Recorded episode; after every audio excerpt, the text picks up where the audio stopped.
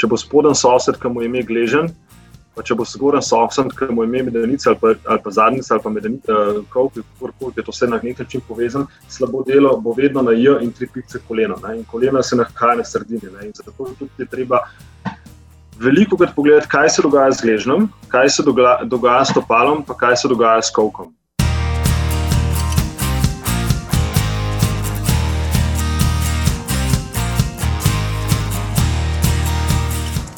Živijo, Gašpr, dobrodošel, hvala, ker si se odzval mojemu vabilu. Marko, lepo zdrav tudi tebi. Z veseljem sem si vzel čas, da bova pokramljala nekaj dobrih stvari uh, o tem, kaj, kaj me boš v bistvu vprašal, še ne vem. No? Ampak želim si, da bodo dobro vprašanja.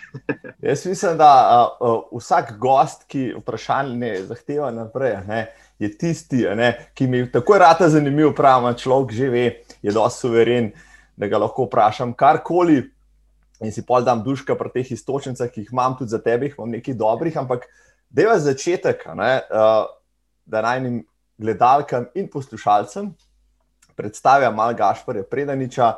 Spoštovani in cenjene, v 27. epizodi podcasta za Gred za tek gostim uh, samega Gašporja Predaniča, trenerja, športnika od glave do pete. Je nekdanji atlet in sprinter, sedaj pa navdušen kolesar, profesionalno pa osebni trener, ki dela z vrhunskimi športniki in rekreativci. V zadnjem času se preizkuša tudi potapljen na dah in je velik navdušenec eh, nad kopanjem v mrzli vodi. Je tudi avtor videosebin in podcaster, ki intervjuja znane in zanimive slovenske športnike. Kaj sem še pozabil, dragi Gašpor?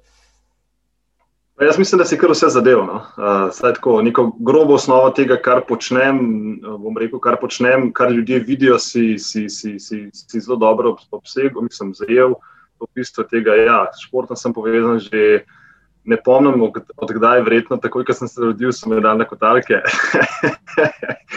Ampak ne, pač šport je, šport je uh, velik del mojega časa, mislim, bom rekel tako. Skozi je bil šport povezan s tem, da sem se iskal v njemu, učil in izboljševal.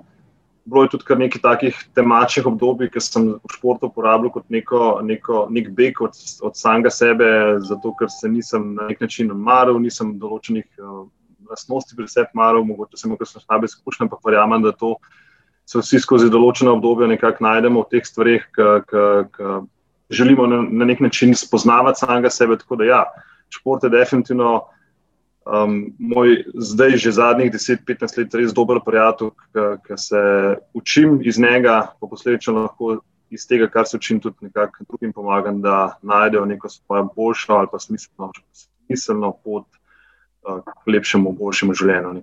No. Zelo lepo je povedano tole, Gašpr. In za razliko od zagrizenih tekaških navdušencev, ki jih ponavadi gostim, bom tebe vprašal, raje ne ali si danes že tekel, ampak ali si danes že šel v mrzlo vodo.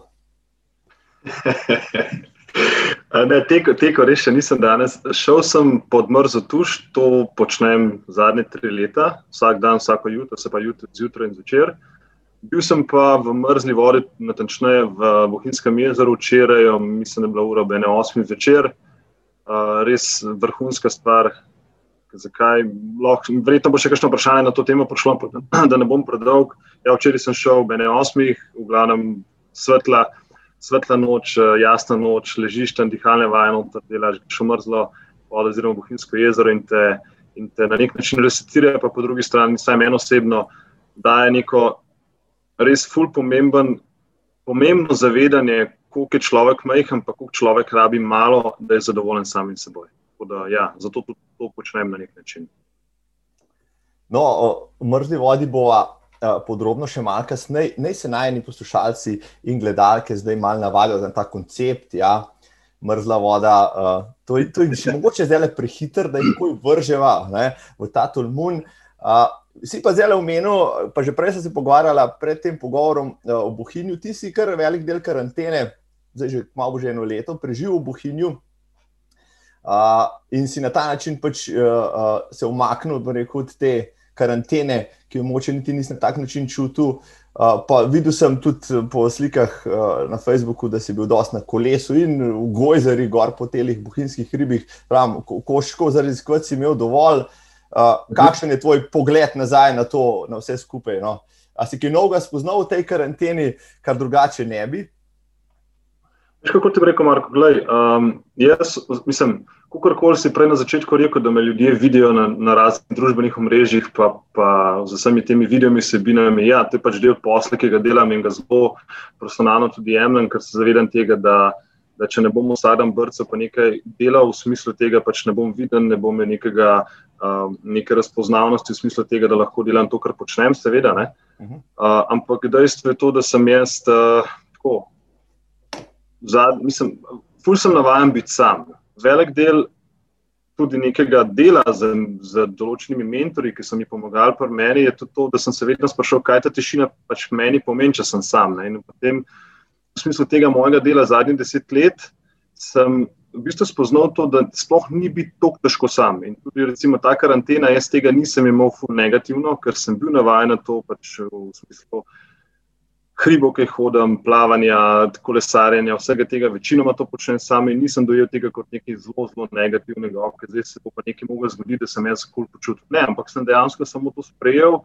Um, nisem nekako kazal s prstom na situacijo, kakršno koli že je bila, ali pa kazal s prstom na, na vreme, uh, dan, kakr, kakršno koli že je, ampak sem enostavno samo sprejel odgovornost. Zdaj, tukaj sem, kaj lahko zdaj iz tega naredim, kar imam in iz tega želim tudi najbolj potegniti uh, največ pozitivnih stvari potegniti zase. Tako da zato pravim, da je pač karantena, ok, jaz ne jemljem negativno, verjamem pa, da če se človek malo zre vase, v tem obdobju, ki je, zdaj, če na drugi strani oba, oba dva veva, da ljudje bežijo od določenih problemov, kupujejo si številne nepotrebne stvari, ki jih potem pakirajo in samo predalčkajo in jih imajo pri sebi ampak noče se pa soočiti s samim seboj. In jaz verjamem, da se človek enkrat želi, pa tudi na nek način upa soočiti s samim seboj, potem seveda lahko pridejo tudi določene bolečine, ne vem, grde besede do samega sebe, ampak to je rast in temu, temu, temu je potrebno, je pomembno, skajti, če se ne bomo v tem obdobju, ki je zdaj.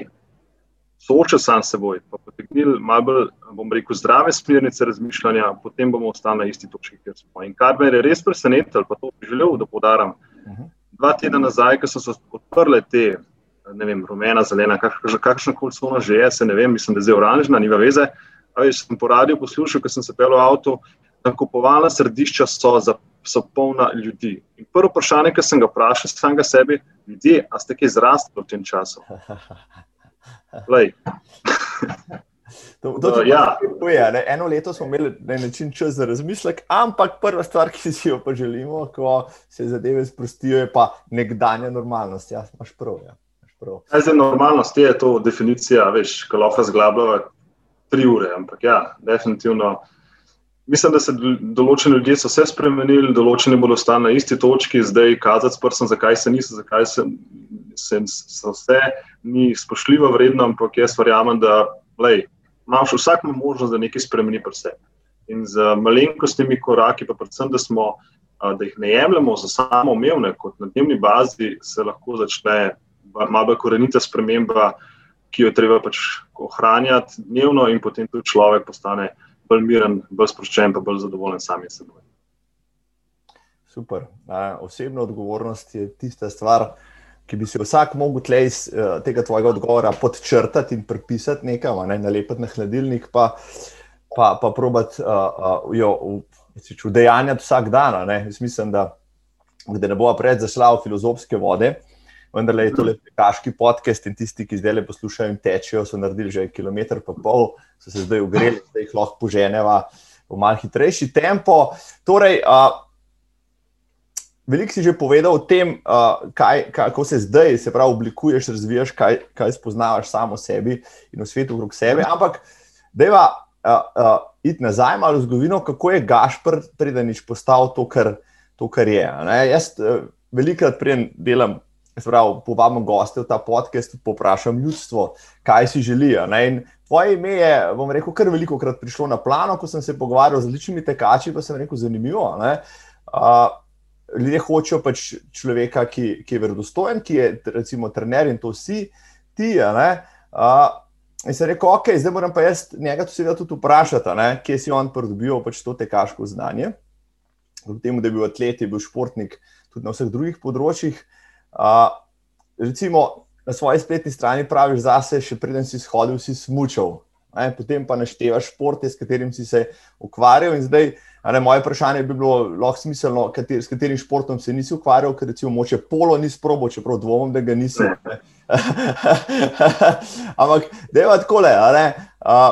Atletiko si šel dokaj pozno, pri 18 letih, če se ne motim, ne tam nekje. Tako je. Dej, vaj, kaj, kaj si vse prej počel? Uh, pa imam poljeno vprašanje iz tega izvedeno, ki ti bo moče tudi zanimivo, ampak da je čist moče tako plastično vrišeš tvojo pot, se pravi, od prvih korakov do tega, da si potem šel dejansko vrhunski šport. Zdaj govorimo čisto iz področja športa, aktivnosti iz tega področja. Recimo, ja, tako, tako. Ja. Okay, okay.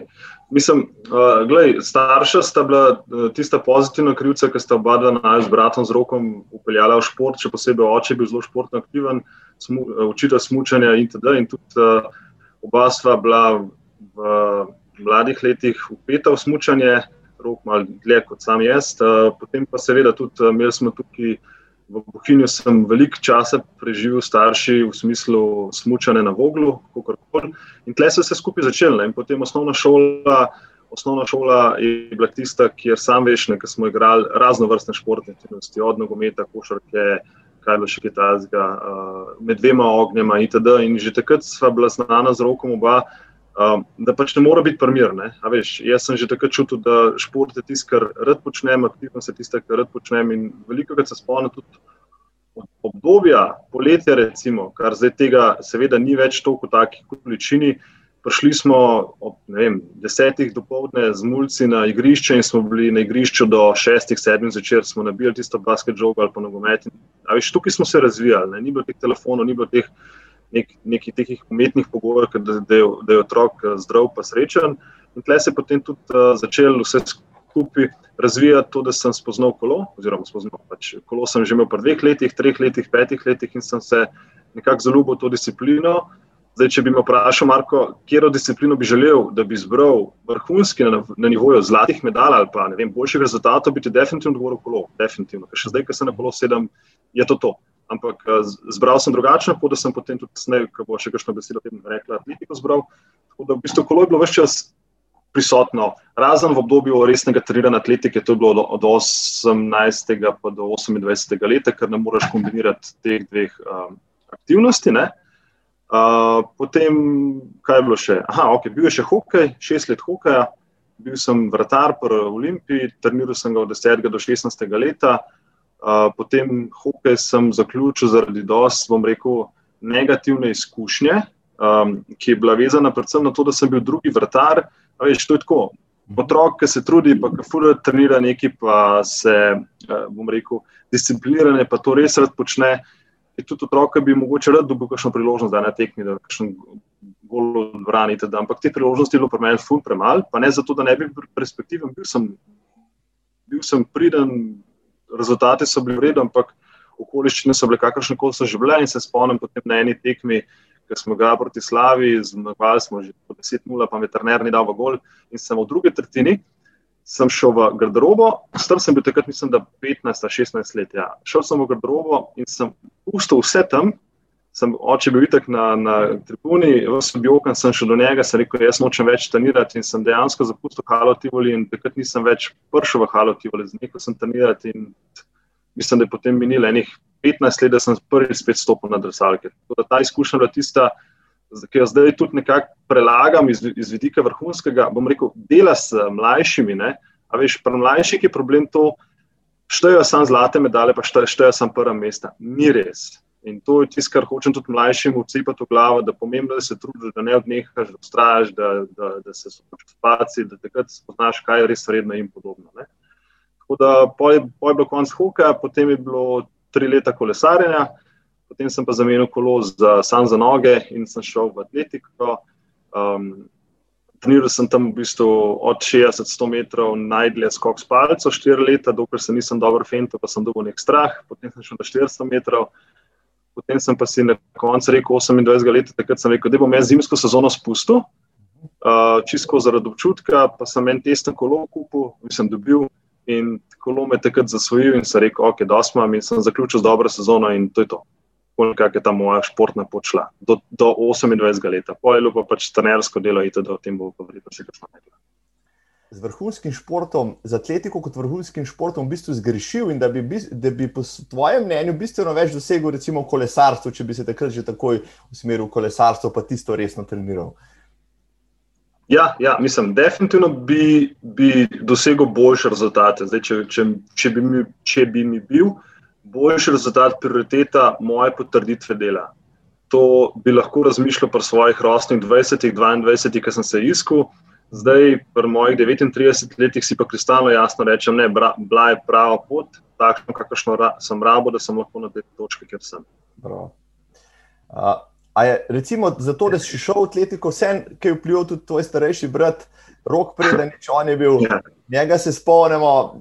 Je, prav malo slike, pa sem se ga prav spomnil s tisto rdečo frizuro, s tisto uh, punkerski luk, pa, pa še to zelo dober je bil. No. Ni, ni, ni uh, nas je opominjal samo svojo pojavo, ampak tudi z rezultati. No, ti si pač njemu tudi sledil, pol, on je bil tudi šprinter, če se ne motim, pa ti si tudi pol 400 metrov laufal.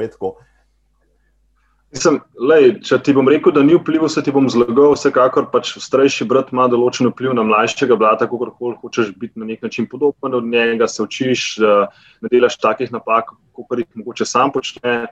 Ja, in a, definitivno sem tudi začel atletiko tudi zaradi njega, čeprav a, mi ni bil, bom rekel tako. Zdaj, bom tako rekel, takrat mi ni bil v tako oporo, kot bi želel, da bi bil, ne? ker mi je rekel, vse čas mi je govoril, Gašpar lej, peti za atletke, vam peti v kolesare, ne boš boljši. To mi je vse čas, da bo to. Ampak glede na to, da sem dik po horoskopu, da sem precej trmast in ker se nekaj rečem, bom to tudi naredil, se, seveda ga nisem poslušal in sem potem ustrajal. Uh, tako da, ja, bil je definitivno neka pozitivna luč tega, da, da sem lahko spoznal tudi določene plati atletike, da sem videl tudi, uh, kaj sploh atletika je. Uh, in tudi zaradi njega sem tudi nekako, uh, kot sem že na začetku rekel, začel. Ampak potem, ko sem se počasi začel, bom rekel, ko sem se našel v atletiki, sem pa rekel, ok, lej, zdaj delam to, kar rad počnem, um, da se probi narediti en dober rezultat, kakršen koli že pač je, in sem v tem v bistvu pod bottom line, pod skupnim imenovalcem, začel malo bolj uživati v tem. No. Tako da ja, uh, on je krivec za to, da sem šel v atletiko. No, no, to sem pa tudi slišal, ja, tvoji vplivi. Ampak vseeno, kljub temu, kar si rekel, uh, že omenil si, uh, kljub temu, da v atletiki mogoče nisi bil super uspešen, pa ti je atletika vseeno dala tisto bazo za konc koncev, tudi tvojo poslovno pot, ki si jo, ki si jo zdaj uh, ustvarjaš še naprej. Zdaj si vendarle tudi močan trener, tudi v atletiki, tudi v ostalih športih, ampak uh, predvsem v teku, ne, te je po splošni populaciji videti ker imaš rekel, zelo, zelo široko zastavljeno, rekel, postavljeno, postavljen koncept treniranja, od rekel, tehnike do rekel, vseh detajlov, katerim se recimo neki bolj. Bolj uh, uh, rekel, lajčni uh, trenerji ne posvečajo toliko. Uh, mislim, da ja, je atletika meni osebno dala vse, kar rabim, da lahko delam to, kar delam zdaj.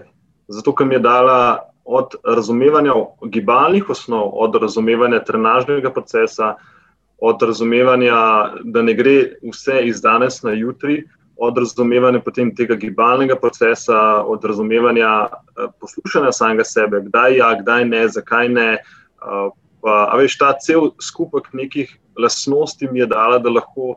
Mislim, da rekel, vse te lastnosti sem seveda najprej testiral, pa preizkušal na samem sebi. Ker, veš, če nekaj sam prebereš, pa če tega ne živiš, pa mogoče tudi ne testiraš, oziroma ne probavaš, potem se mi zdi, da se čuti to. Bom rekel, ne, no, ne bom rekel ne resnico, ampak ne, ne kvaliteto temu, kar dejansko počneš. Ne. Mhm. In ravno zaradi, zaradi atletike, ker je tako širok pojem, ker to, se sam veš, kaj vse atletske discipline so. Ne, lahko tudi zaradi tega veliko bolj razumem, ne samo rekel, na eni strani atleta ali pa tekača, pa na drugi strani tudi recimo košarkaša, nogometaša, um, neko starejšo gospo, ki, ki nič ne počne, pa bi rada nekaj počela danes. Pa bi izboljšala samega sebe, izdati neko osnovo, ki človek le zelo preprosto je. Na človeškem telu je narejeno, narejeno za gibanje. Noge imamo zato, da hodimo, rit imamo zato, da nas postoji po konci, trebušne steno imamo, da smo ravni, mišice na ramenskem broču imamo zato, da imamo rame tle. A veš, take stvari. In ko začneš malo kontekst uh, um, rekel, razumevanja, da je potem tudi veliko lažje reči, da okay, ta vaja je primerna zato, ker tri pice, ta vaja ni primerna zato, ker tri pice. In tukaj se mi zdi, da je pomemben del, da lahko potem nadgrajuješ uh, en, en performance športnika ali pa na drugi strani performance nekega čist navadnega smrtnika. Uh, no, Gašpar, jaz sem najprej na te naletu, uh, kakih deset let nazaj, ko sem študiral te skrivnosti tehnike teka in tako naprej, kot, kot bosonogec, kot lajk, potem poskušal to znanje prodajati tudi naprej, dokler pač nisem naletel na en video, ki si ga imel na Facebooku, mislim, da ga je celo uh, en najskupen prijatelj Jan Kok snemal zate. In tako, uh -huh. tako si zbudil mojo pozornost, ker si imel že takrat, se mi zdi, tako izdelan nastop, no, bullshit, prezentacija, zelo konkretno je bilo vse, brez nepotrebnega blasta, tako kot si prej govoril. Ne? Naslovil si pač uh, problematiko uh, direktno in jo tudi napadel z direktnimi uh, uh, odgovori. In se je rekel, da je lepa. Uh, in takrat sem dobil nek pač spoštovanje, sem rekel, tistih, ki imajo več znanja, sem rekel, lej, če se tole greš, se je pa za res ali pa, ali pa rajš ne, ker to delati neki na pol, lahko narediš več škode kot koristi. No, sej, uh, mi, da ste se pol srečali, da se spomnimo živo prvič na pospeši ritem, tam si bil eden od glavnih trenerjev no, in sem te videl pol.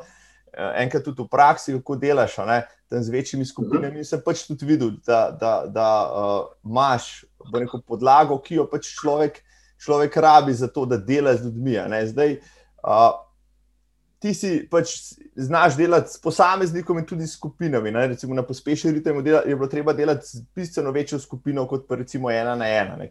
Kako se recimo skozi uh, tvoje delo ta pristop razlikuje? No? V smislu dela ena na ena ali pa skupine?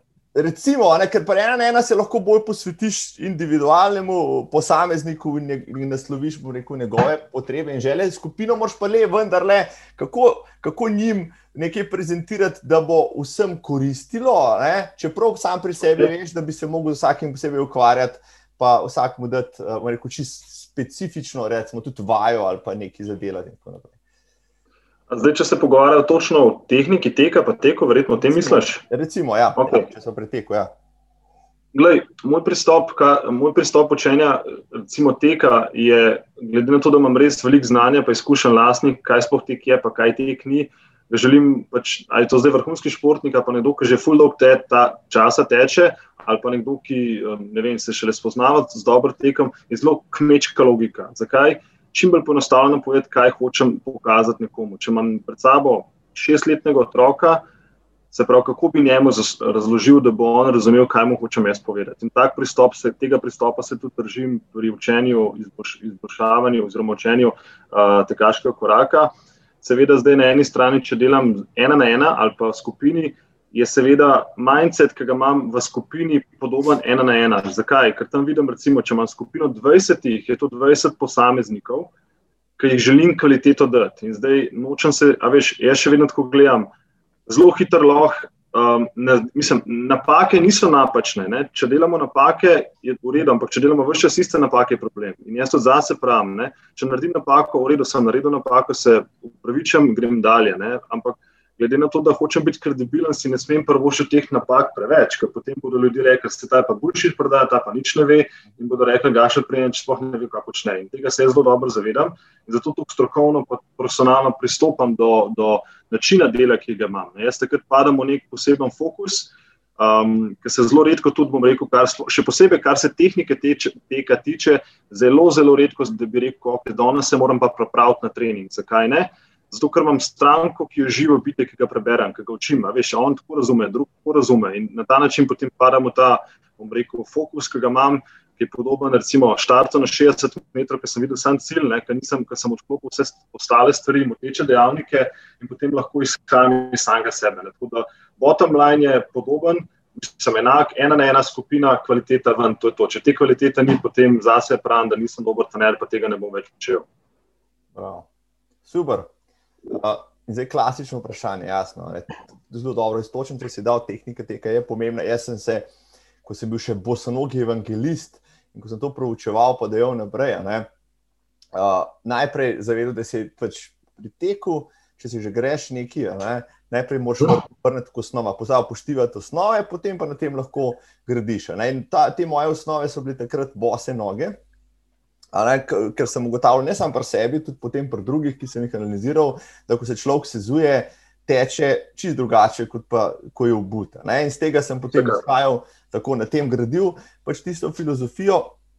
Zdaj bom rekel, gledam na vse skupaj, sem se le to postaral, pa malo šir, širše gledam na vse skupaj.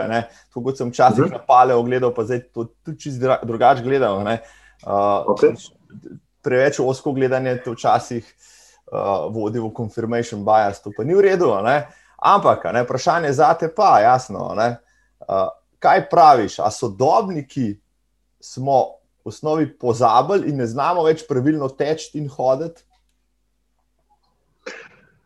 Le, moj odgovor ti bom rekel, definitivno ja. Veš, in tudi, še prej ti malo specifično odgovorim, je tudi a, moj problem tega dela, ki ga počnem. Ne, Veš, jaz se doskrat vprašam, ko dajem nekaj informacij o teku, Gašpar, zakaj si to navidezno negativen o teku, zakaj ne spodbujaš ljudi k teku, zakaj samo ne blabataš, tek je super, tek je zdrav, bla, bla, bla. Ne? Zato, ker ne morem, zato, ker enostavno vem, da tek ni samo to, kar da greš v bud, pa steč, ampak tek na drugi strani zahteva neko pripravljenost človeškega telesa, da lahko na dolgi rok teče, ker verjamem, da vsi tisti, ki bodo poslušali, pa še niso, ali pa še ne vem, se začenjajo ukvarjati s tekom, glavni cilj teka ljudem je to, da, da verjetno, po mojem mnenju, da ga imajo kot neko opcijo, da ga izbirajo, da lahko teče dolgo časa, ne zato, da se z njim poškodujejo. Ne? In to je problem tega, da, da, da, da ljudje dejansko ne razumejo, kaj tek sploh je. Če, te, če sem proti v tej smeri odgovoril. Bi te pa še enkrat prosil, zdaj sem pozabil vprašanje, ki sem vprašal, če me lahko še enkrat vpraša, da bom lahko še navezal se na tisto, kar sem vprašal predtem. No, v bistvu, sej, sej, sej, mislim, da je lepo odgovoril tisto, kar sem hotel. Jaz sem pač moče malo to vprašanje razvlekel. Ne? Ampak, okay, okay. bistvo, ja, to, kar si rekel, se mi zdi zdaj pa iz tega spelo. Ne? Zdaj, zdaj zunaj je cel kup, rekel, uh, tudi uh, rekel, navdušencev, proponentov uh, uh, in tako naprej, ljudi, ki, ki uh, ljudi vabijo k gibanju, kar je seveda prav in lepo. Uh, uh -huh. Kokrat se mi pa zdi, da potem. Uh, prideš ti, ne, pa rečeš, fanti, relax, ne, super je, da se gibate, ne, se v osnovi vsako gibanje je super gibanje, ne, ampak ne, ko je to gibanje kar naenkrat, bomo rekel, zelo, zelo konsistentno, uh, lahko postane preobremenjujoče, če je to gibanje napačno. Ne, se pravi, se jaz grem lahko zdaj dvigati, uh, bomo rekel, kettlebele. Ne, Pa mi bo sigurno koristil, če jih na dan prelagam 10 minut, kako karkoli že prelagam, ne, ko se začnem tega lotevati malo bolj resno, pa z tega naredim vadbo, če jih, če jih ne prelagam pravilno, bom v enem letu lahko uh, naredil več škode sebi kot koristi. Ne? To je bilo tisto moje osnovno vprašanje. Ne? Fajn je, ki bo te, okay, ho, ho, a znamo prav hoditi, recimo, če smo že pri tem. Prosti, lih to sem ti hotel, zdaj sem se spomnil, kar si rekel, ja. hoja. Ne? Ja, lej, um, človeško telo je v osnovi bilo narejeno za, za to, da hodi. Oba dva veva, veva, da zaradi načina življenja, ki ga živimo, velik, ogromno ljudi šest, osem ur, kako koli presedi.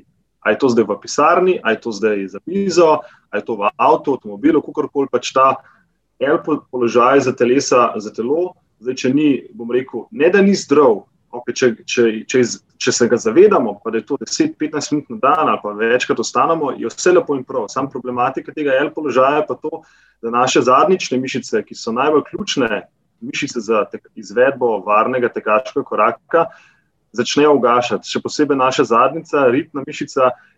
Poznamo tudi sindrom mrtve zadnice, kar pomeni to, da enostavno zadnica nima več znanja, kako bi se mogla ona skrčati. Kaj pa naloga zadnice, je to, da nas dvigne po konci, po konci da drži medenico v dobrem položaju, da, da varuje le dve del, se pravi močna zadnica, stabilna medenica, potem tudi varujejo spodnji del, se pravi od gležnjev, kolena, kovkov. Ne? In če zadnica tega več nima, kaj se začne dogajati, je seveda ruši se na sistem. In tudi recimo sama hoja kot taka.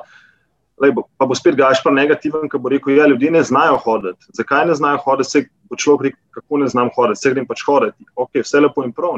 Sam za hoja, v kateri se zavedamo svojega gibanja, je popolnoma drugačna od hoja, v kateri se ne zavedamo svojega gibanja.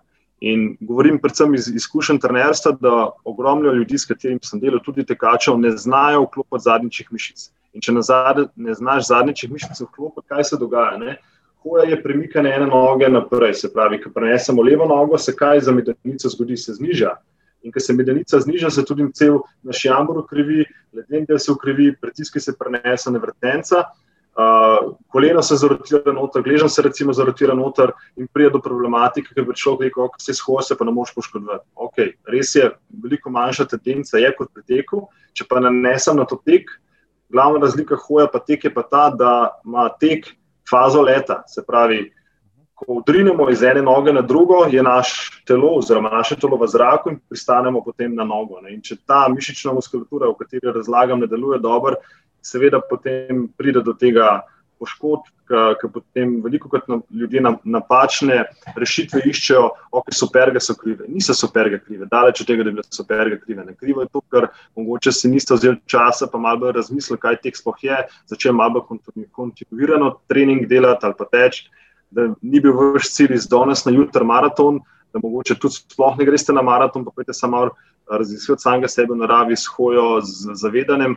Pa je to potem tisto, kar sem tudi sam, recimo, pri atletiki najbolj raziskoval, kako, zakaj je navaja, kako naredim sprint, kako naredim skok, kako, zakaj ta vaja. To je tisto, če ne veš, zakaj potem brez tega, da to počneš.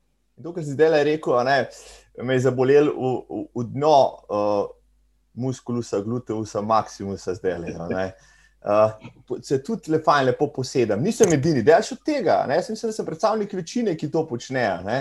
Človek, ki ima, uh, bom rekel, rit ali pa uh, uh, zadnjične mišice čist premalo uporabljene. Ne? In spoštovano ljudstvo tam zunaj, spoštovane gledalke in gledalci, obvezno pogledajte. Gašparjev TEDx, novo mesto, uh, govor, tistih 15 minut prezentacije, vrhunsko, moram te pohvaliti. No, te vram, sem jih kar vse slovenski pogledal, več ali manj in ta tvoja je bila zelo angažirana, pa, rekel, zelo aktivna in zelo, zelo transformativna in načina. Ne? Sindrom mrtve zadnjice, v tem, kar govoriš, ne? tisto, kar tudi mi dva zdaj le počneva, sediva. Tega, tega te, tega to počnemo vsi čist preveč. Ne? In kontra, ne? potem uh, proti zdravila za to pa, pa, pa, pa ne uh, apliciramo potem na to. Ne? Se strinjam, se strinjam. Ravno to, kar si omenil, da pač, kot so rekli na začetku, oziroma sem ti omenil, sedenje je problematično. In, a veš, ta mrtva zadnica, kot sva rekla, nima, enostavno nima več spomina. Tako, recimo, da ti primer, uh, veliko težje, ali pa da če ti rečem, da je skrči. Uh, kazalec, ne, ga boš videl, ne, ful, ful teži skrčeš neke mišice, ki jih, ki jih imaš v zadnjih, ki jih dejansko ne vidiš. In, in tudi se mi zdi, zakaj recimo, ok, da bom tako rekel, para atletiki, ne, cilj tekača oziroma atleta je, da dobro teče. Zdaj je to 100 metrov, 400 metrov, nima veze. Ne? Njegov glavni point je tek. Ne? Ampak kaj bo tekač vse pred tem delom, skozi določeno trenažno obdobje, je odvisno od tega, kakšen bo ten, potem tudi njegov končni rezultat. Jaz razumem to, da je veliko težje delati neko vajo. Ne vem, če dam primer. Za, okay, tekač se odloči, da bo malo smiselno začel teči. Okay, začel bo teči, tekaške vaje bo delo, pa bo tudi, potem tudi enkrat, dvakrat na teden določene vaje za krepitev zadnjih mišic. Veš, tek je, v teku se gibaš, si v naravi, imaš več okolja, nekaj impulzov, greš pa ti na tla, si pa tam recimo v sobi sam sabo da imaš eno blizino, musko in delaš neke statične ali pa dinamične vaje, pa te hitro dolg čas ratejo. In si reče, ok, se to ni napredek, to prezeze in je ta monotonost tiste, ki lahko potem ubija. Sam ravno to, ne, ne, mor, ne, moramo, vest, ne moramo jesti vedno zrelih jagod. Včasih je treba pojesti odmilo ja, ja, jagodo, da lahko zrela bolj cenimo. In to je ta, raz, ta razumevanje, tudi v teku, ki se enako.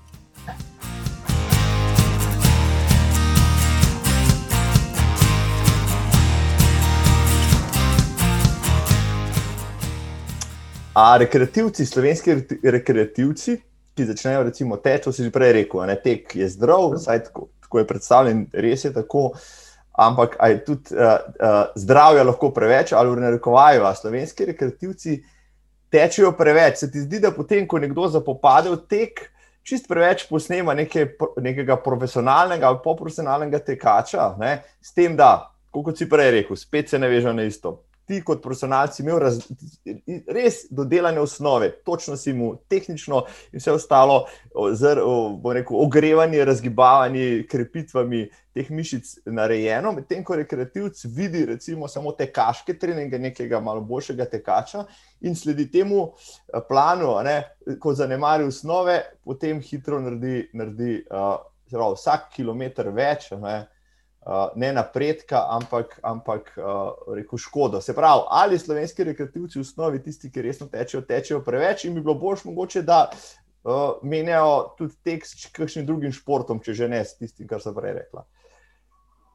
Uh, mislim, da, tako, da bi prav vedel, kako oni tečejo. Ne vem, ker jih ne spremljam to, ampak bom pa iz izkušenj uh, dela z določenimi, bom tako rekel, no, ali pa pogledal mojih osebnih, je to, da Vsekakor je problem, če gremo samo v eno smer, zato ker je mogoče vem, nam predstavljena kot super smer, ker je marketinško to podprta, ker smo mi v nekem težkem obdobju ali pa čudnem obdobju, pa nismo sami zadovoljni, pa gremo, ok, zdaj gremo pa na polno teč, da bo zato, da bomo dokazali samemu sebi, koliko smo oh in sploh super in ne vem kva, to je pač to ne spada v kontekst športa.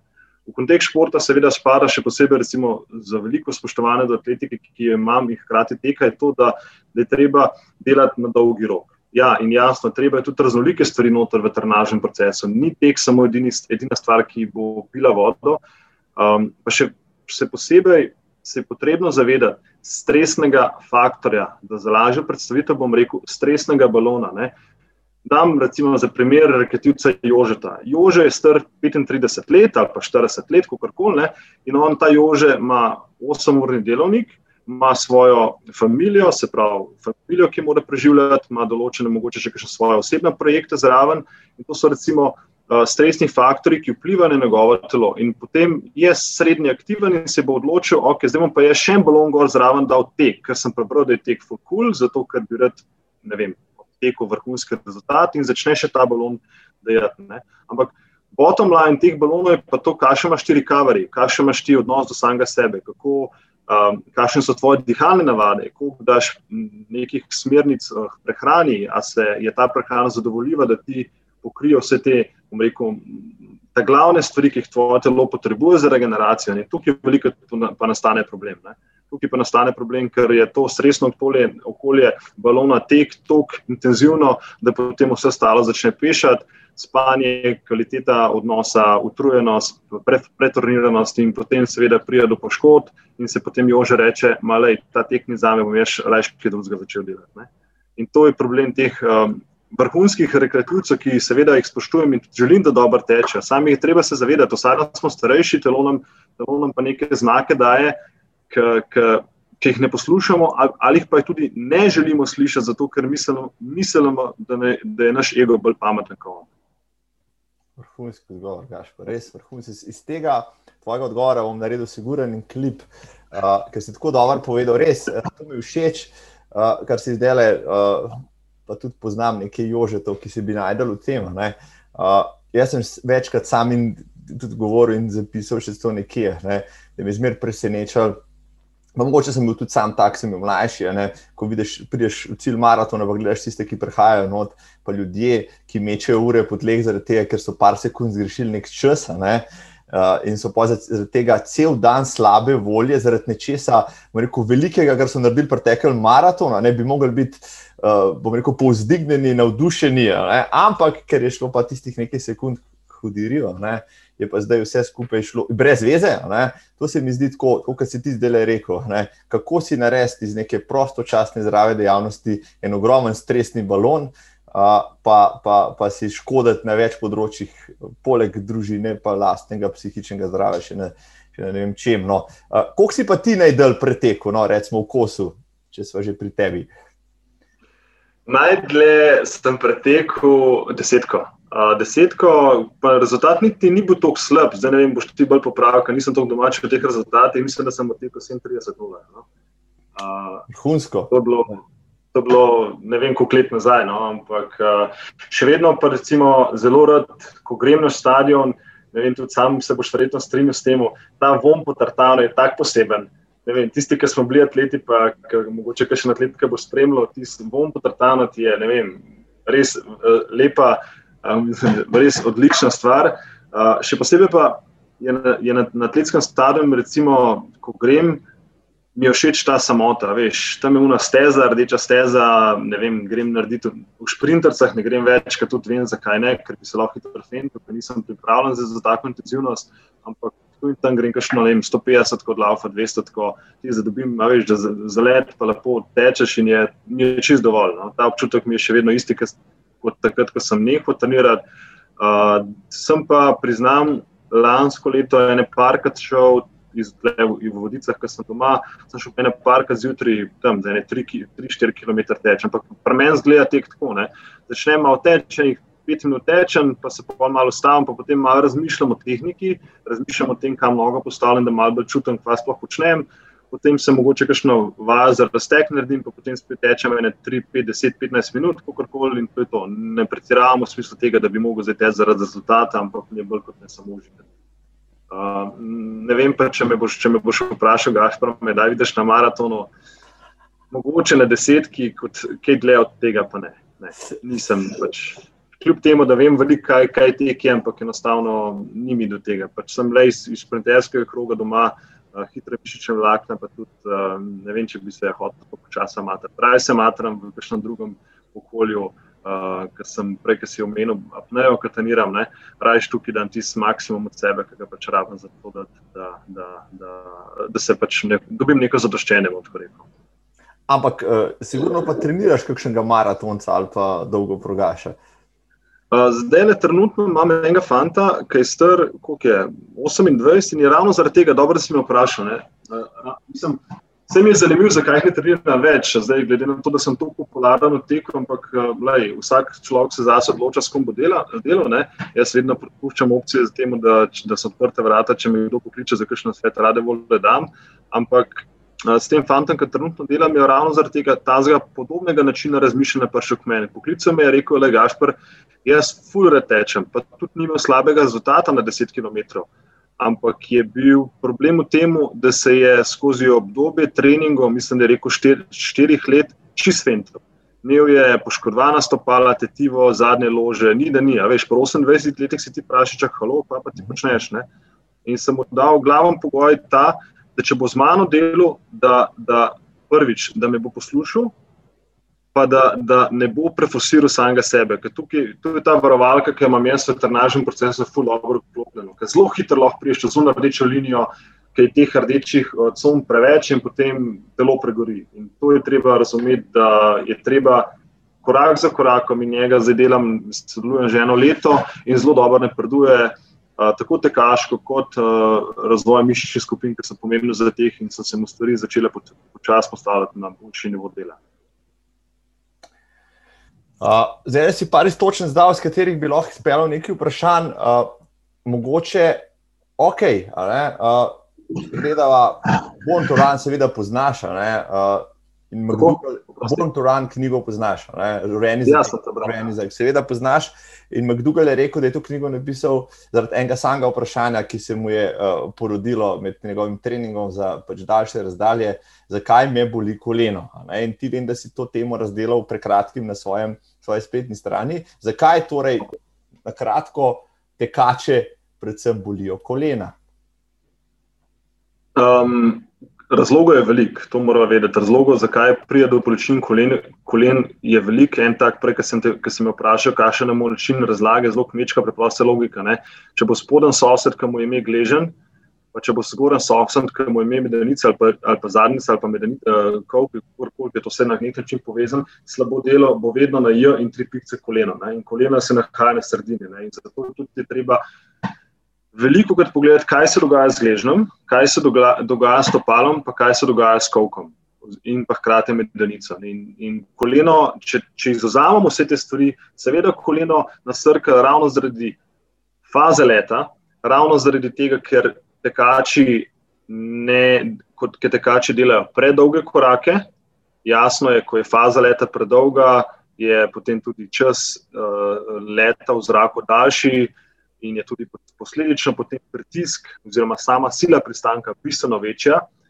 Drug problem je tudi ta, da ker delajo predolge korake, tečejo izven svojega težišča in se potem koleno seveda opogne, pokrči, pristaneš na petem in se dejansko vsa sila začne preko prenašati preko tetive, preko kolena, preko zaprtega kovka, preko neuporabnega trupa. To so ene, ene izmed teh glavnejših podarkov. Zakaj? Potem pa seveda, če govorim čist iz vidika mišične razvitosti, jasno, zato ker zadnjica ni dobro razvita, zato ker so prednje mišice prekratke, preintenzivne, ker vleča medenico naprej, zato ker a, telesno jedro ni dobro razvito, nima dobrega soporta. To so te stvari, ki jih pač tekači morajo vzeti za kup, ok, koleno me boli zaradi tega, niso kriva copate, kriva je tehnika teka, tehnika teka je odvisna od tega, kako ima tvoje telo nekih uh, mišičnih, mislim, koliko je tvoje telo uh, adaptirano na nek tekaški korak, pa seveda na drugi strani tudi ne smem pozabiti, da telesna teža ima velik poglavitni faktor v, v preteku. Zdaj, če ne bo pretežek, pa da nikoli prej ni tekel, bo imel velik problem, problemov. Pa tudi, seveda, neka tekaška zgodovina. Veš, če bi razmar, če bi Marko ti mene poklical, gaš pa res bi rad s tabo delal, bi prvo vprašanje, ki bi te vprašal, Marko, kaj si počel zadnjih deset let, da te malo spoznam. Veš, če mi rekel, da zadnjih devet let sem sam sedel, pa jedel, pa nič počel, bom vedel, kje vem. Če mi še rekel, da zadnjih deset let sem bil aktiven dvakrat, trikrat na teden, imel sem to, pa to, pa to, poškodb nisem imel nobenih, ok, imam neko boljše okolje za delo. In to je treba se zavedati, da teh vprašanja so na mestu, zato da lahko spoznaš samega sebe, pa na drugi strani vadečega ali pa varovanca, s katerim pač delaš. Okay, se pravi, zdaj je mala. Ne? Kaj bi pa ti priporočil, ja. rečemo, čisto najnemu poslušalstvu in gledalstvu? Ne? Kot tekače, tekačev uh, uh, poznamo ogromno, itek časa danes nimamo, ne? nič, ne? čeprav ga imamo več, kot si mislimo, trdimo, da ga nimamo, ne? zato imamo čas samo za trikrat na teden, pač eno uro laufati in to je to. Ne? Ali pa štirikrat na teden, ali pa ne vem, še konc tedna dolgi teki in tako naprej, ker treniram za maraton, pač to rabim. Uh, Ampak potem vsak po, po, po študijah, ki, ki, ki so tam zunaj, so bile takrat tudi popularne, ko je McDougall pisal svojo knjigo, ne, se vsako leto poškoduje med 50 in 70 odstotkov tekačev. Se pravi, skoraj vsak tekač se v, vsaj v dveh letih enkrat poškoduje, tako ali drugače. Začenši s koleni navzdol do gležna in stopala in navzgor do pač medenice, kolkov in tako naprej, hrbtenice na vse zadnje. Uh, kaj bi bilo pač, kaj pač bi vsak tekač, ne, če že pravi to gibanje, moral še, še počenjati. Ne, vsaj rečemo, da ima tiste osnovne podarke, ne, nek osnovni tre, trening za moč, morda raztezanje, kaj bi ti priporočil nekomu tako. Ja, pa sigurno ne moreš faliti. Zdaj, eh, izhaja iz uh, tega, če govorimo o tekačih, ki so že poškodovani. Bom rekel, če ga nekoga, ki že boli koleno, ali nekdo, ki je čisto popolnoma zdrav, pa nima nobenih težav. Pa da je nasloviti tiste, ne, ki, ki zaenkrat še niso poškodovani, pa moče uh, rehabilitirance malo kasneje. Okay, mislim, prva prva, prva um, vredna stvar za razmišljanje glede tega je Butov, vsekakor, čeprav sam, jaz se bom, Marko, strinjal s, tam, s tabo, ne, da bo nog tek, pa vaje, ki jih delamo, bosi, so vsekakor ful dobro doprinos k boljšemu teku, ne, jasno je. Ampak problem pa tega je nekdo, ki pa, ki pa nima dobro razvite mišične vezivnega tkiva pa če bo imel premalo blažene copate, pa če ne bo mal pretežek, je ta premalo blažen copat vsekakor lahko velik faktor pri poškodbi. Veliko je treba tudi pogledati, kaj, kakšno supergo imamo. Uh mhm. -huh. Jaz nisem zagovornik premalo blaženih, raje vidim, da je copat malo bolj blažen, pa še vedno dovolj stabilen, da, da daje neko podporo. Na drugi strani pa lahko greš včasih na kakšen lep travnik, pa delaš kakšne tam bose vaje, tekaške vaje, pa bo veliko več koristi iz tega narejeno. Uh, to, potem zdaj, a veš, strečing, ja, gibljivost, ja, ne. Zdaj ne morem reči ja in niti ne, zato ker ne vem, kakšnega posameznika imam. Izkušnja dela z žensko populacijo je ta, da one niti ne rabijo toliko, uh, bom rekel, treninga za mobilnost, ker so same po sebi že dovolj mobilne. Ne. Pri fantih, pri moških je to malce drugače, tako da pri puncah bi rekel, govorim čisto, neka splošna slika, da me ne bo kdo vlekel za nos. Ne? Ampak ja, splošna slika je, da se vedno vrtimo v fazi mobilnosti stabilnosti. Če nekaj je preveč mobilno, ne bomo dali, bomo dali več stabilnosti in obratno. Ne? Jasno pa je, da če zdaj rečem, kaj ja, definitivno, da delite vaje za krepitev telesnega jedra. To niso oni old school trebušnjaki, ki se dvigujejo, pa jih delamo 500 ponovitev, da nas peče, ampak eh, malo se pozanimite na, na netu, je ogromno takih vaj, ki koristijo samemu namenu. Druga zadeva je, da dajte noter v trenažni proces kakšne vaje za propriocepcijo, po domače povedano, lovljenje ravnotežja, bote bosi malo držite ravnotežje na eni nogi, na drugi nogi, mogoče, ne vem, držiš 5 sekund na eni, pa pa stopiš na drugo nogo, pa to delaš 20-30 metrov, fur pomemben faktor zavedanja, pa bom rekel, boljšega performansa športnika. Potem je tretja zadeva, je tudi, seveda, nek trening moči. Zdaj, a veš, moč je full splošna. Tukaj ne govorim za moč, da ti v en fitness pa dela 200 kg počepa, pa ne vem, kaj čisto osnovne stvari. Zdaj, če, če me vprašaš, malo, kaj pa treningu moči, ja, definitivno svetujem več enonožnih stvari kot dvonožnih stvari. Dam primer, ali so to zdaj izpadni koraki na mestu, izpadni koraki nazaj, stopanje z eno nogo na, na nek box ali pa na klopco, Zakaj eno nožno? Zato, ker tek je eno nožno gibanje, ne tečemo z dvema nogama. In to so, to, so, to so stvari, ki jih potem, recimo, če dam čisto primer, spadni korak nazaj, kaj z njim. Krepimo zadnjo ložo, krepimo zadnico, krepimo kolenske strukture, stegensko mišico, krepimo ledven del, ki nam pomaga pri samem uh, pravilnem postavljanju v nek položaj. Tako da to so stvari, ki, jih potem uh, definitivno nadgrajuješ, potem ta rekel, preventivni del, da ima lahko tekač, seveda, manj poškodb. Ja, uh, še ena stvar, ki je pomembna, seveda, da ne pozabim, več zavedanja, dihanja. Um, zakaj dihanje? Lej, dihanje je, lej, če ne dihaš, umreš, simpel, ne? zelo. Pač, če nekaj dihaš, pač pol minut, eno minuto, brez zraka, kakorkoli, pač je gotova stvar. Ne? In pri teku je problem pa ta, ne? Tek je aerobna aktivnost, se pravi, in hkrati anaerobna, seveda. Ne? Ker pride do nekega povišenega pulza, kaj se dogaja, ful dihamo prsno, zato ker to teži k temu, da dobimo čim več kisika, da lahko pač malo delujemo. Ne?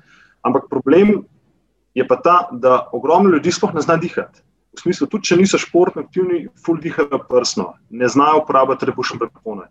In zakaj je trebušna prepona tako pomembna pri dihalnem uh, sistemu? Tega, ker je prvič deluje na žilčni sistem, ki nam ga lahko sprošča. Če dihamo s komu prsno, smo vse čas obremenjeni v rdeči coni in dejansko ne moramo priti v recovery mode. Torej, trebušna prepona je pomemben del tega faktorja. Druga fa drugi faktor je tudi ta, da trebušna prepona je zelo pomembna stabilizacijska mišica. Čisto domač povem, ker ti dobro dihneš, se trebušna prepona raztegne in upre v prsni koš pa mirenica. In to je ena izmed stvari, zakaj dihanje s trebušno prepono je pomembno v fazi priprave. Ne? Ker seveda pride do nekega maksimalnega outputa, je pomembno, da imamo full zrak v sebi. Ne? Ampak dejstvo pa tudi eno. Človek, ki se bo naučil boljše dihati, bo imel tudi pri neki manjši obremenitvi, ne govorim zdaj pri maksimalnem pulzu, manjšo potrebo po, dih, po dihanju. Kaj pa cilj? Ne? Cilj je tega, da v eni minuti normalnega življenja naredimo manj vdihov, ne več. In manj vdihov, ko imaš, telo je bolj sproščeno, telo se bolj dela, uh, več CO2 je noter, ker CO2 je pomemben faktor tega, da lahko telo uh, izkorišča kisik in je potem tudi faktor tega futbol boljši glede performansa, spanja, regeneracije itd. itd. Evo, to nekako čisto kratko. No in uh, dihanje, to, kar si zdaj izpostavil, pa naj pa prepelje do drugih deh dejavnosti, s katerimi se pečaš, so že vse omenila, ampak okay. me zanima več. To so pa Ne, pa če so zdaj pri osebni odgovornosti, pa pri tem, ko, ko moraš stvari delati res rekel, s, uh, s fokusom. Ne, potapljanje na dah je gotovo ena takih disciplin, ker ne moš odmisliti svoje okolice, niti sebe. Uh, zdaj to dvoje je prepleteno, vsaka napaka uh, te šteje, uh, ti, ti, ti lahko stane marsikaj. Uh, okay. in, in potem tudi uh, kopanje v hladni vodi. Ampak, da me najprej zapnejo. Ne? Najbrž je dihanje pri apneji pa tista ključna stvar, ki jo pa te rabiš razvijati, poleg vsega ostalega, brez dihanja, tukaj pa prav gotovo ni več. Vsekakor. Najprej ti dam samo moj uh, lajčen, lajčno razmišljanje, preden sem se začel z apnejo ukvarjati. In to sem tudi pozabil na začetku, odgovoriti, ker sem vprašal, kje aktivnosti sem vse počel. Seveda, tudi uh, na morju sem bil velik in več sem bil v vodi pod vodo kot na plaži. Ne, in tudi zaradi tega imam tudi to rad to morje. Uh mhm. -huh. In ja, jaz sem se začel, uh, preden sem se začel ukvarjati z apnejo, je, je bil moj pomislek tak, ne, če želim neko globino narediti. Pa, zdaj, takrat, mi da se pogovarjamo zdaj v globine 10 do 15 metrov, ker je bila tudi takrat za me velika globina, rabam full zraka, rabam se full nadihavati, full hiperventilirati. Ne.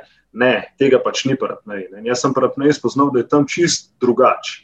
Čisto vse bolj mirno, vse fokusirano in je to, a veš, apneja Pa na drugi strani vse zunanje aktivnosti, ki jih počnem sam, aj to zdaj tek, aj to zdaj kolesarjen, itd., je v drugačnem okolju odnosa do samega sebe narejeno. Tle ni visokega pulza. Lažem, je visok puls v treningu, ko ga delamo v bazenu, težkih treningov, ampak ti greš enkrat v neko daljšo dolžino v, v bazenu ali pa v neko globino, tam je pa čas samo za umirjanje. Ne? In tam je recimo dan ti primer, če bi se zdaj v tem momentu rekel, ok, gaš pa pet na neko globino, bi se enih deset minut, de, moje dihanje bilo tako, se pravi, imel bi zelo dolg izdih, pa zelo kratek vdih. To bi pomenilo, da bi izdihnil. Pa zelo kratek podih. Zakaj? Zato, da ima moje telo vse potrebo po dihu. Potem pa zadnje dve minuti, ki bi pa se rekel, ok, zdaj pa počasi grem, bi naredil en globok vdih, se pravi, trebušen, da po na prsni koš, sproščen zdih. Pa tu naredim enih 3 do 5 ponovitev in zadnjih 10 sekund prej naredim, pa naredim maksimalen vdih, plus tega, da napakiram še nekaj zraka v pljuča in grem dol. In je, in je ta um, dihanje tako drugačno in hkrati tako mi je odprlo nekih novih pogledov, kako lahko z dihanjem izboljšuješ. Ne na zadnje, seveda, odnos do samega sebe, pa potem tudi performance. Ne? Seveda, ki priješ potem ven iz globine, je pa najbolj pomemben del recovery breathing, da ti čim hitreje zajame zrak, izdihneš, da dobiš zrak nazaj. Ne? In um, zato je parapnej tako drugače senje in je potem ta mirnost, ne moreš razmišljati o drugih stvareh, fokusiran si na sebe, še posebej v nekih večjih globinah, ki jih recimo zdaj počasi dosegam, je tam občutek res fenomenalen, uh, ker na nek način je vse odvisno samo od samega, oziroma v tem primeru od mene. Ne, Noro, zdaj si mi dal v glavo misel, da me ta dihanje še bolj zanima. Vse sem pred časom še enkrat prebral Dober dih od Patrika McCuna, ki je zelo podobne stvari govori, ampak eh, to, kar si ti povedal, tako uh, rekel, slikovito, ne? pa delati okay. tega, da sem vodni človek, ne mi zdaj spodbudili cel kup enih, enih triggerjev, da bi pa kaj tazga šel provati. Uh, Apneja me je tudi naučila, recimo, da dam primer en, en, enega treninga v bazenu. Dam, recimo, delamo v 25-metrskem bazenu z dolgimi plavutkami, treningi niso res lahki, ampak dam primer treninga, recimo, okay, 50 metrov pod vodo. Uh, se pravi, 25 obrat, prideš ven, pa imaš recimo eno minuto pauzo. V teh 25-50 metrskih razdalji meni puls naraste, ker delamo to šprinte. Uh, v eni minuti imaš ti čas, da zregeneriraš samega sebe. Seveda, ker prijemeš ven, ima ful veliko potrebo po dihu. Ampak cilj mi je to, da potem iz vdiha v vdih delam dolge izdihe. In to sem se navadil naučil v teh dveh letih, da dolg izdih je kaj, da imaš enkrat potrebo veliko. Je tudi dolg izdih tisti, ki ti zmanjšuje, bom rekel, ne zmanjšuje, ampak znižuje srčni puls. In meni je cilj, da ga v minuti čim hitreje znižam. In tudi ena sveta kača, ki vam ga dam lahko, prej, ki sem me vprašal, kaj je še pomembno, je to, da recimo, ko se ustavite, aj to zdaj otečete 5 km, nima veze, dajte minuto, dve podarek na dolgem izdihu. Zakaj? Kot sem že omenil, umirjanje samega sebe in to je trigger za telo, za možgane, trigger za recovery. In če tega dolgega izdiha ne damo noter, potem spet pridemo iz, ene, iz enega balona, ki so se prej pogovarjali, v drug balon, ki je spet rdeče barve in nismo več naredili. Tako da je to čist ena umestna, še dodatna. Top, top. Ne? Ljudje, uh, ne samo kisik CO2 v telesu, ne moče še bolj pomembno. Ja, ampak na to temo bom prelepo še kakšen link spodaj, da si lahko več preberejo tudi tisto, kar si ti raziskoval. Uh, ampak vprašanje zdaj, uh, eno urca, spoštovanje in cenjene pogovore je že za nami, hitro je minil, ful zanimiv, ful zanimiv pogovor z Gašporjem Prijaničem, je danes moj gost. Uh, zdaj, tisto, kar uh, tisti, ki poslušate od začetka, kar sem na začetku rekel, počasi pripravite. Uh, mrzla voda prihaja, gašpr ali si kopanje v mrzli vodi odkril preko apneje na način, preko tega uh, potapljanja, ki si ga prakticiral, ali si to našel čist druge, oziroma namenoma po naključju, kako je prišlo do tega? Uh, ne, se pravi, mrzla voda. Zdaj imam majhno povezavo, ampak moram reči, da strokovnosti nima nobene povezave z apnejo, da ne bo kdo tudi te dihalne tehnike, ki jih delam pri, pred potopom v globino, pri apneji so popolnoma drugačne od tega, kar delam v mrzli vodi, tako da tukaj ne smemo mešati teh stvari. V mrzlo vodo sem prišel čisto po naključju prijatelja Emila Ledenka, ki se pač s tem ukvarja. Uh, on je pač eden izmed teh, ki tudi začel v Sloveniji, to malo širšo zgodbo in mi je takrat, me, me je seveda me povabil in rekel, da je Gašpr, da je, nisem, bom tako rekel, jaz sem tega Vinhofa, ne se to tudi ukvarja, veva, kdo je iz tega nekako izhajal vse skupaj. Uh, sledil že nekaj časa, ampak nikoli nisem rekel, da je to bilo za mene. Ne, že takrat, recimo, sem imel eno veliko spoštovanje do tako imenovanih teh ljudi, ki so imeli nočni skok, v, a ne novoletni skok v morje, se pravi do decembra, ok, sem se rekel 11 stopinj, vsaka van čas. Ne. Potem drug pogled, a pa izkušnja, ki sem imel sam ravno iz Bohinja, nekaj šest let nazaj, poleti, ko sem šel na eno, en hrib, pa sem se s kolesom dol pripeljal, pa sem se pa cevici ustavil, sem rekel, da si bom malo noge okladil, pa sem da sam stopala nota, se veš, kako je pol minute peče, kasvina, polno, si rečeš ne, ne, imaš to v glavi, ne. Uh -huh, uh -huh. Potem sem na Emila na letu, me naučil te dihalne tehnike in je rekel, Gašpr, jutro se dobiva v kamniški bistrici. Ok, ne, kamniška bistrica je full mrzla, 3 stopinje, 4 stopinje in, in prisoten strah, nervoza, mi bo kaj, bo z mano kaj narobe, bom zdržal, ne bom zdržal, kaj se bo zgodilo. Ne? In sem začel počasi, ne? tako da moj prvi stik z vodo, mrzlo je bilo v najhladnejši vodi, kakor je bila možna, bil sem noto 30 sekund in sem šel ven, ker mi je začelo vse peči.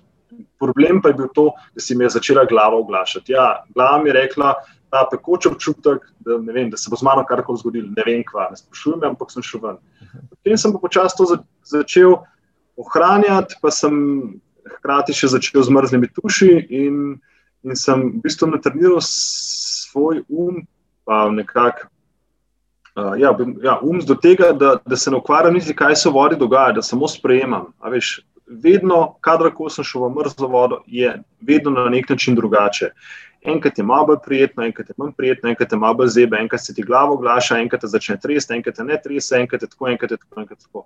To so, bom rekel, različni impulzi, ki jih čez dan dobivamo na dnevni bazi. In sem se učil futbol fokusirano, miren, miren biti v sebi, da se ne ukvarjam, sprejemam in decid. In zato mi je ta mrzla voda tako dobra. In ti povem pa, da je vedno nelagodno. Če mi daš na levo stran toplo vodo, pa mrzlo vodo, valjda bom raje skočil toplo, jasno. Ne? Ker tam se narabaš upravljati, tam je to in to. In to in, in ravno tle je pa malo več ungadrila, ne? pa malo več, um, ne bom rekel poguma, da se mora zdaj dokazovati, ampak nekaj covno obdobja, ki te daje na preizkušnjo, ali si ali pa nisi. In jaz verjamem to, da mislim zase osebno. Lahko bi delal to en dan, lahko bi delal tri dni ali pa en mesec, ampak sem si rekel, ne, želim to konstantno delati. In najtežji, ker večinoma to delam, seveda sam, sploh v Bohinju, je to delati sam. Večinoma grem ponovadi zvečer, ker ni nobenega ali pa je slabo vreme, ker je dež, ker je sneg.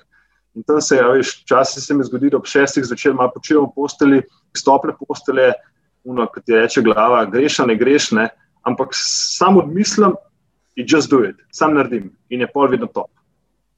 In od drugih koristnih stvari, ki sem, ki sem jih pa vem, v zadnjih treh letih, nisem prehlajen, nisem bolan, spim ful boljš, regeneracija ima ful dobro, uh, futbol sem miren, um, tudi ne na zadnje, drugače dojemam samega sebe, drugač, drugačen način govora, komunikacije imam z drugimi. Tako da, ja, ful enih benefitov jih ima, ki jih vidim, ki mi jih da. In zato tudi to počnem. Ne. Pa ni pa čisto vsak dan, je, pa še posebej, ker velikokrat podarjam to, da tega ne moreš kupiti v trgovini. Máš le, mrzlo šmaš, pet pod njega, seveda ne brez glavo, kontrolirano z dihalnimi vajami, pri dihanju, pardon, pri mrzli vodi je ful pomembno dihanje, umirjene dihanje. Kaj ti, tudi če bi recimo nekoga, ki ni veš, pelo mrzlo vode, je prvi, feedback. To, a veš ta strah, strah, kaj se bo z mano zgodilo, spet smo tle zgori, ne? spet dihamo tle. Če pa ti dejansko umirjaš, pa samo fokusirano dolg izdih delaš, je pa podobno. In tudi veliko krat se učim to apnejo, recimo pred potopom. Ok, tukaj jim rekel, to je pa isto, vsaj za me.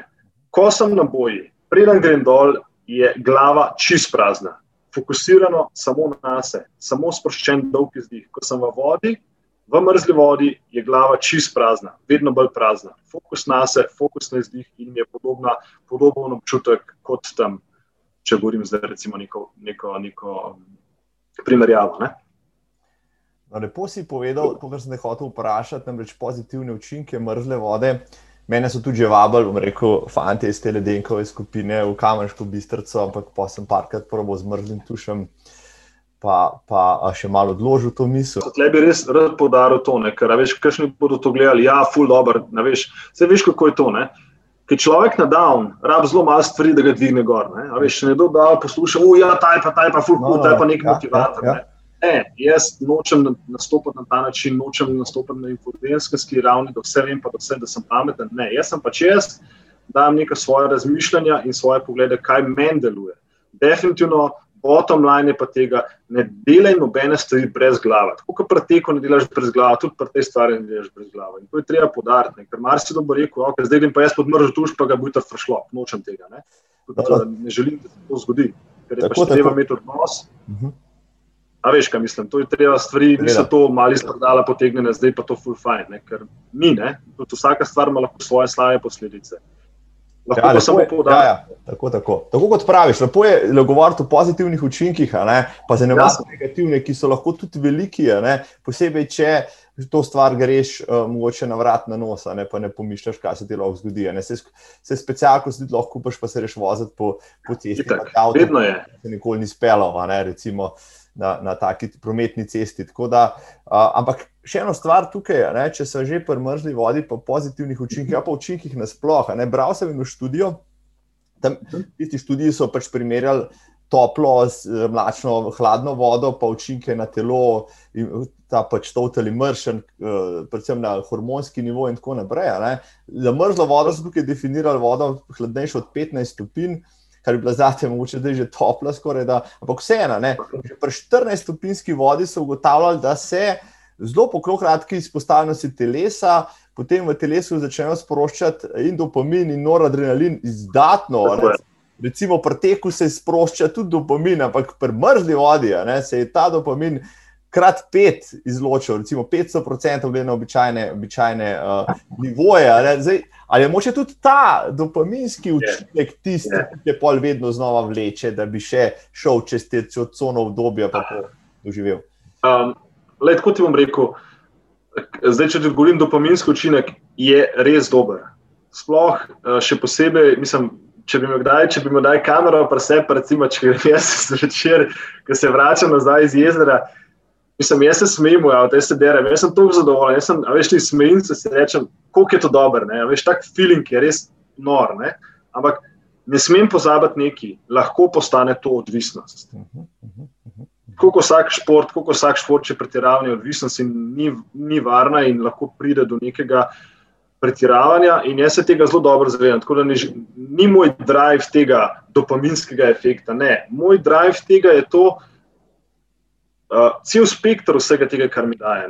Veš, cel spektr, to pa še posebej, recimo, ko naredim dihalne vaje, ko se mirim, se res povežem samim seboj. Tudi tam zaradi tega, ne vem, na enega govora, ki zdaj, okay, Marko, da ti bom videl, jaz, ki govorim zdaj, ne, ne razmišljam čisto, če sem samo v fokusu po nekem driveu, pa sam dajem ven stvari sebe. Se mi, se mi zdi to pomembno, zato, da lahko pride neke pristne stvari. Ne. In tudi pri dihanju, pa to, kar počnem, pristnost pride ven in zaradi tega lahko potem na svojem, na svojem rekel, področju nastopam kot neka malce kredibilna oseba. Ne. Tako da to mi je en tak spektr tega, ki mi, mi pomaga izboljšati uh, samega sebe. Ni pa edini drive, samo to, feeling je dober, čutek je res top.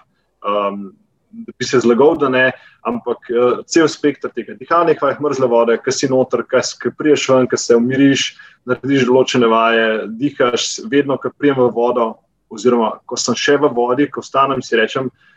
Mogoče sem malo to tako sveto slišal, ampak ne, dejansko rečem hvala vodi, pa hvala naravi, ker ima. Super. Da še dodam malo tvoje kredibilnosti. Ne?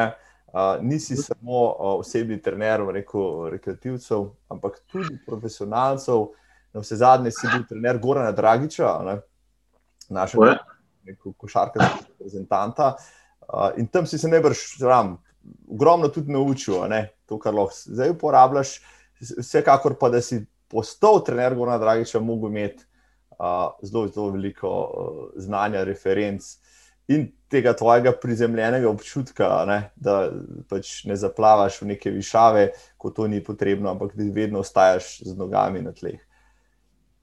Mm, tako, mislim, z Goranom smo se sicer spoznali na njegovem kampu, ker sem bil prisoten, uh, ki ga ima vsako leto na rogli, dobro, zdaj zaradi koronega ni imel verjetno. Ampak takrat smo se spoznali in smo tudi neko zaupanje zgradili. Uh, tako da mi je dal priložnost, da sem ga lahko treniral, mislim, da je to sezona 2016. Uh, definitivno zdaj po petih letih, kakšen sem zdaj, pa kakšen sem takrat bil trener, sem zdaj na bistveno višji ravni kvalitete in nekega razumevanja trenerskega posla in hkrati tudi odnosa in samega sebe in odnosa do stranke. Kakorkoli, bila sem zelo lepo, eh, bom rekel, dobro sodelovanje. Ampak vsaka taka stvar, mislim, tudi komu rekel.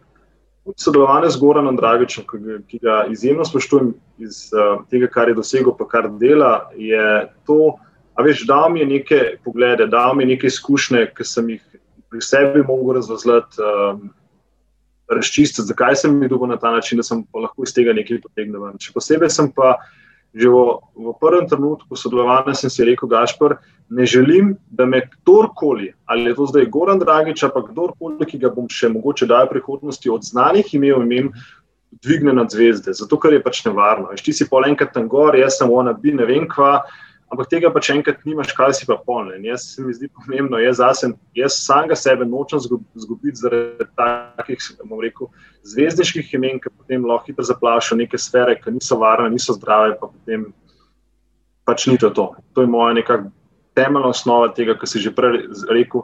Ja, želimo ostati prizorljeni, ker veš, vsi dosežki, ki jih dosežemo, vse to je pač samo dosežek, ki je zunaj tebe. Kaj si pa ti, ki tega ni, je pa bolj vprašanje. Spet prihajamo na začetek najnega pogovora. Korona, se pravi, obdobje korone, tega, te bom rekel, um, karantene. Ne?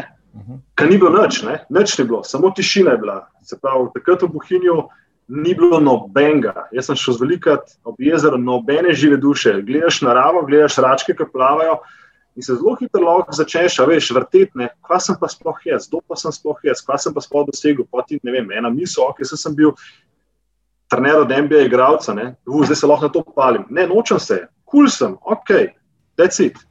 In to je to.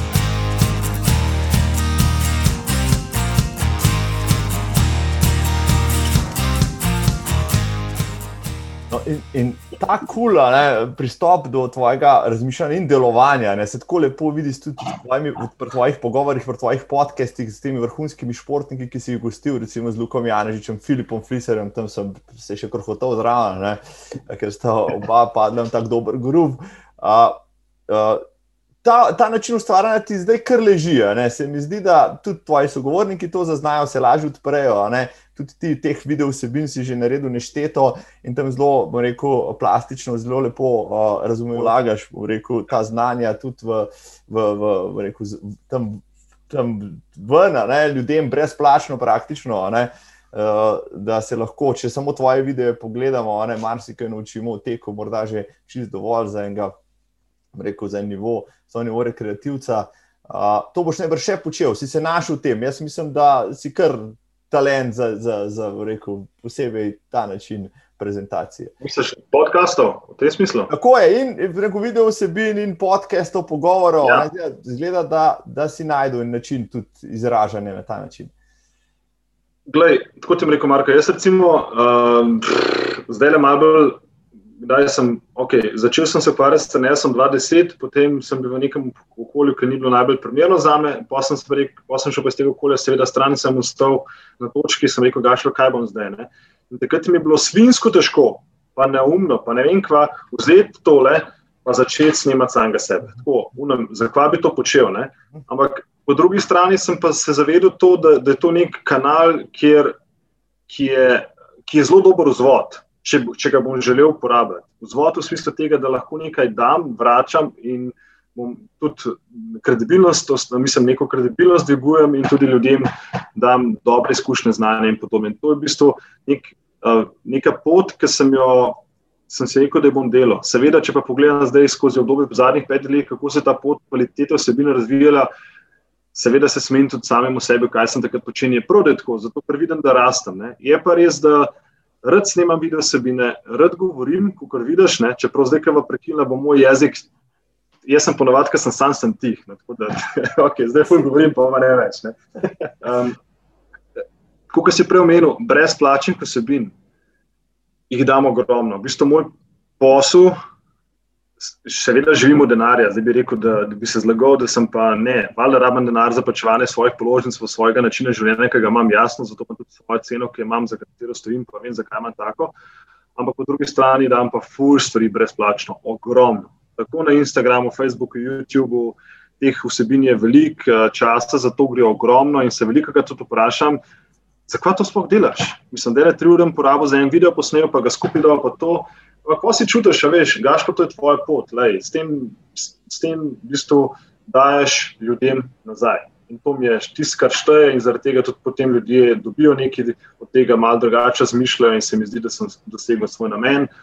In to je tudi bottom line tega, kar pač počnem. No, no, no sej, uh, rekel, vsi najboljši svojih poslih, ne, pa navad pravijo. In večkrat je tako, ne, 99% svojega materiala dajo za ston, tisti dodaten 1%, ne, pa pač moraš plačati. Ne, ampak veš, da ga z veseljem plačaš, ker, ker iz tistih 99% vidiš. Ne, da je človek pač verodostojen. No, še ena stvar se mi zdaj spomnil, te moram vprašati. Uh, pa sem se spet nas spomnil, rekel, da ne boš potem le veliko govoril, jaz tudi ne. ne če se oba dva, tista introvertiranca, ki pred kamerami bistveno več govorijo kot v zasebnem življenju. In še nekje sem, še nekje sem mogoče najdel ne, ne povezave. Nekje si rekel, da si po naravi len. In ponavadi, ja. večkrat slišim to od kakšnega zelo uspešnega človeka, aktivnega človeka, ne? da je po naravi lena. Pa, pa moče sem jaz tudi taka. Zdaj, a tisti, ki smo po, nala, po naravi leni, je, in takrat, ko se zaženemo, ne, dejansko se bolj potrudimo, morda kot tisti, ki so skozi v nekem uh, pogonu, pa imajo manjše oscilacije. Pri nas je recimo tako, da greš, pa potem miruješ, pa greš, pa miruješ, pri nekaterih je ta. Eh, linija pre, pre, predvsej manjša. Kaj, kaj je še tvoje mnenje o tem, kako bi to komentiral? Mislim, da če ti odgovorim na vprašanje, sem po naravi len, ja, sem len človek, sem. Ampak vem pa to, da je za to mojo lenobo, ne, vem pa to, da, da bi len lahko še bolj ustal, če ne bi tega počel, kar počnem skozi obdobje zadnjih 20 let. Atletika recimo, je ena izmed pozitivnih krivcev, ki je individualni šport in sem mogel sam dvigati te, sam preteči. To, to me skozi kljubo v glavi, ne skozi, tudi recimo mrzla voda. A si, a bo šel, pa ne bo šel. Ne? In ta lenoba je vse čas prisotna. Jaz težko verjamem, da obstaja nekdo na svetu, ki nikoli ni len, ki se mu nikoli nič ne da. Pa če je tak, potem blefira, simpel. In, in lenoba ni nič narobe, problem pa je ta, da je ta lenoba preveč. Veš, tako, če bi samo ležali deset dni, nam bi bilo postalo neudobno. Ne? Ampak ja, recimo tudi moji dnevni rituale, ki jih poleg mrzle vode skušam, ne vsak dan, ampak jih v 80% na tedenski ravni delam, je, so neke osnovne dihalne vaje, vaje za, za gibljivost, pa, pa, pa, pa, pa meditacija to meditacijo skušam skoraj vsak jutro zadnje tri mesece notrditi, ker čisto enostavno, ker vem, da je to to, kar rabim. In zaradi tega lahko potem tudi uh, druge zunanje aktivnosti veliko bolj delam. Kar se pa tiče treninga samega kot takega, ali zdaj to uteži, ali kolo, ali to karkoli, pa vem samo eno stvar, prvih pet minut je vedno najtežjih, ker pa začneš še veliko lažje. In to je pač vse veš, imaš že neko izkušnjo, um, ki me je naučila, pa tudi zate, veš, da je ista. Pač ja, začeti začet je treba. In če si verjetno prebral na mojih, ne vem, kakšnih podcastih, kako koli rečem, pa napišem, konsistentno šteje. Ne? Ja, konsistentno šteje in čisto nič drugega, saj v meni, predvsem osebno. Uh, same, bo rekel, sami zlati nageti v tem pogovoru, super, uh, uh, res spoštovani in spoštovane, tale pogovor si boste hoteli in želeli še enkrat poslušati in pogledati. Škoda, greva že na konec najnega pogovora, ampak dožnosti kličejo vseeno, da se dotaknete tistega, kar so začela na način, karanteno, tega karantenskega leta, epidemije in tako naprej. Uh, v zadnjem letu je bilo veliko govora, ne, predvsem o otrokih, ne, kako so postali v tem letu eh, gibalno, rekel, hendikepirani, kako so zadnji ostali v gibalnem razvoju, kako se debelijo in tako naprej.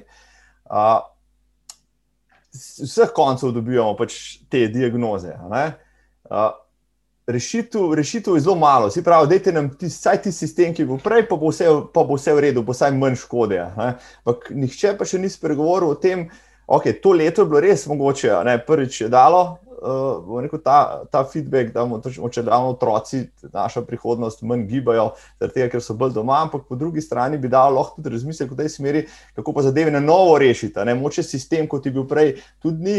Uh, idealen ali pa optimalen, ne, lahko na teh osnovah, ki jih imamo danes, na zelo slabih, zgradimo pa kaj božga. Kaj, kaj bi bil pa tvoj pogled na to tematiko, ker vem, da se tudi s tem, s tem uh, rekel, dosta ukvarjaš. Ne.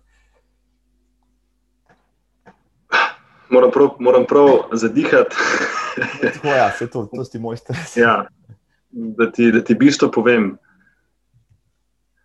Pa mislim, da ti bom v zelo kratkem stavku bistvo povedal. Uh mhm. -huh. Bistvo je, da so otroci čist preveč obremenjeni.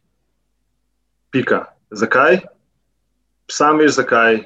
Je to šolska obveznost, športna obveznost, seveda posledična, posledična obremenitev otrok, vpliva tudi na obremenitev staršev, ker jih pač morajo voziti, ja, ja, ja, ja, ja, ne vem, tukaj nekaj zahtev, potrebite. Da. In ta obremenitev zelo, ne bom rekel, nevarna. V bistvu ja, je nevarna, zato ker se zaradi tega lahko otrok lahko, uh, ne razvije v zdravo, funkcionalno bitje. Dam oseben primer, zdaj moje generacije.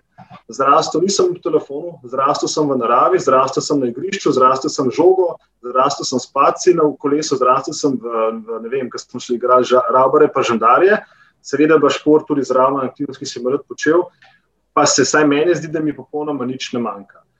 Glavna stvar, mislim, pomembno je, da se ljudje, pa tudi otroci, znajo znajti. A veš, če imaš ti neka sistemska pravila, ki hočeš naučiti nekaj, kako mora biti, pa ga spustiš v real life, pa se ta otrok se ne bo mogel znajti. In ta obremenitev je res nevarna. A veš, toliko enih pravil, pa znanja, pa zahtev, pa biti. Lej, težko je biti otroku, deset let staremu, kako koli obrneš, pomračaš, osem ur za zumom v, v svoji sobi, ki mora imeti en ekran, drug ekran, pa še tretji ekran, da so onke noči. Lej, vsaka čast tismu, ki zdrži in verjamem, da je takih zelo malo ker je ful težko, ker nima socializacije, zdaj se bo lahko kdo obrnil, ja, gaš pa kaj tam tuješ, nima socializacije, vse, ki v kakšnih drugih državah to tega nimajo. Ja in ne, Sam zdaj smo, mi se pogovarjamo o naši državi, tukaj so naši otroci in je treba na njih nekaj spremeniti. Ne. Jasno pa obema nama je, Marko, od uh, svet stoji na mladih. In zdaj, če mladi ne bodo drugače delali, oziroma spregledali pa stvari, pa tudi malo drugače postale stvari, potem bo, bo še hujš. In je treba jih razbremeniti manj obveznosti, pa več ta pravih odgovornosti. Dati. To je moj končen odgovor. Super. Manj obveznosti, več odgovornosti, to bi lahko prevedlo tudi na celotno populacijo. Ampak še nekaj, če se pri otrokih. Uh, pred to karanteno smo imeli pa drug problem, o katerem smo razpravljali. Ne? In sicer o prehitri specializaciji otrok, ki so v športu. Se pravi, otroka si dal v šport, pred desetih letih je bil že v selekciji, ki je že tekmoval in tako naprej, pri petnajstih je bil na en način že iztrošen, neveličen. In ravno v letih, ko bi mogel dejansko začeti se razvijati v odraslega, rekel, športnega gibalca, ne, mno, so mnogi nehali. Ne. Spet so pa istem. A veš, to je spet ta, vse ni, ni nič čudnega, specializacija, se sliši, va? Zelo dobro. Okay. Specializacija je pač en pojem v športnem žargonu, ki, ki je more biti, ampak ne prezgodaj. Zdaj, ta pojem prezgodnosti je pa seveda lahko zakaj. Veš, če, če imaš ti vire, ki, prezgo, na, ki na prezgodnost vplivajo, ki so lahko mediji, radi, eh, televizija, eh, potem imaš vzorniki, jaz bi rekel, ne vem, ta nogometaš, otok bi to torej videl, pa to še starši vidijo, da ga dajo v nek klub in pol to vse se pa na koncu vprašanje, ne Marko, ne? kdo zdaj trenira otroka, starš, ne, ponovadi starši trenirajo noter. Ne? To je spet druga zgodba. Žal, lej, včasih sem, kakorkoli mi je ime Gašpr, pa sem prijazen, pa sem prijazen, po dobro srce, sem tudi grozni Gašpr, ki je brez znake na jeziku, ki pač povem, kaj si mislim. Ja, Izkušnja je taka, da včasih prevečkrat starši igrajo nogomet na misli otroka. Pusti otroka, da igra, pa tudi če pada, pa tudi če ne, ne da gola, pa tudi na nek način trenerji bi se mi zdel, mislim, da ne vsi, ampak nekateri bi mogli malo bolj mehko delati, ne, pa malo bolj začeti poslušati otroke, kaj se z njimi dogaja, ker lahko da je otrok utrujen, pa ni nujno zaradi tega, ker bo rekel, trener, da on pa ne more trenirati. Da bo zaradi tega pač sedel na nadaljnih deset tekem na klopi, mogoče pač povedal, da je utrujen, zakaj, ker je mogoče slabo spal, ali pa celo mogoče ima kakšne družinske težave, pa se ne upa spregovoriti. To so stvari, ki jih ne vidijo. Ne? In dober coach je tisti, ki zna postaviti vprašanje in otroka pelje na, na, rav, na, na varni ravni naprej. Ne zato, da kaže s prstom na njega, ej, ti si pa zdaj reva, ker ne boš igral za te, ki si rekel, da te pač nekaj boli. Ta prehitra specializacija je definitivno prenevarna, kot si sam ugotovil ki te vrže stira, veš, ni vse tako, ni vse tako na izi, nismo vsi Dončiči, nimajo vsi možnost kot Luka Dončič. Luka Dončič je eden in edini, tukaj je, ne vem, Goran Dragič je eden in edini, tukaj so ostali športniki in ti kot, ne vem, XY si en in eden in edini. In to je treba spoštovati in to je treba negovati. In enkrat tak odnos pokažeš z mladimi, potem tudi, seveda, z delom na leto, dve, tri, deset, pa ni tudi otrok ima svoj jaz. Ker pa če otrok nima svojega jasa, ali pa problem.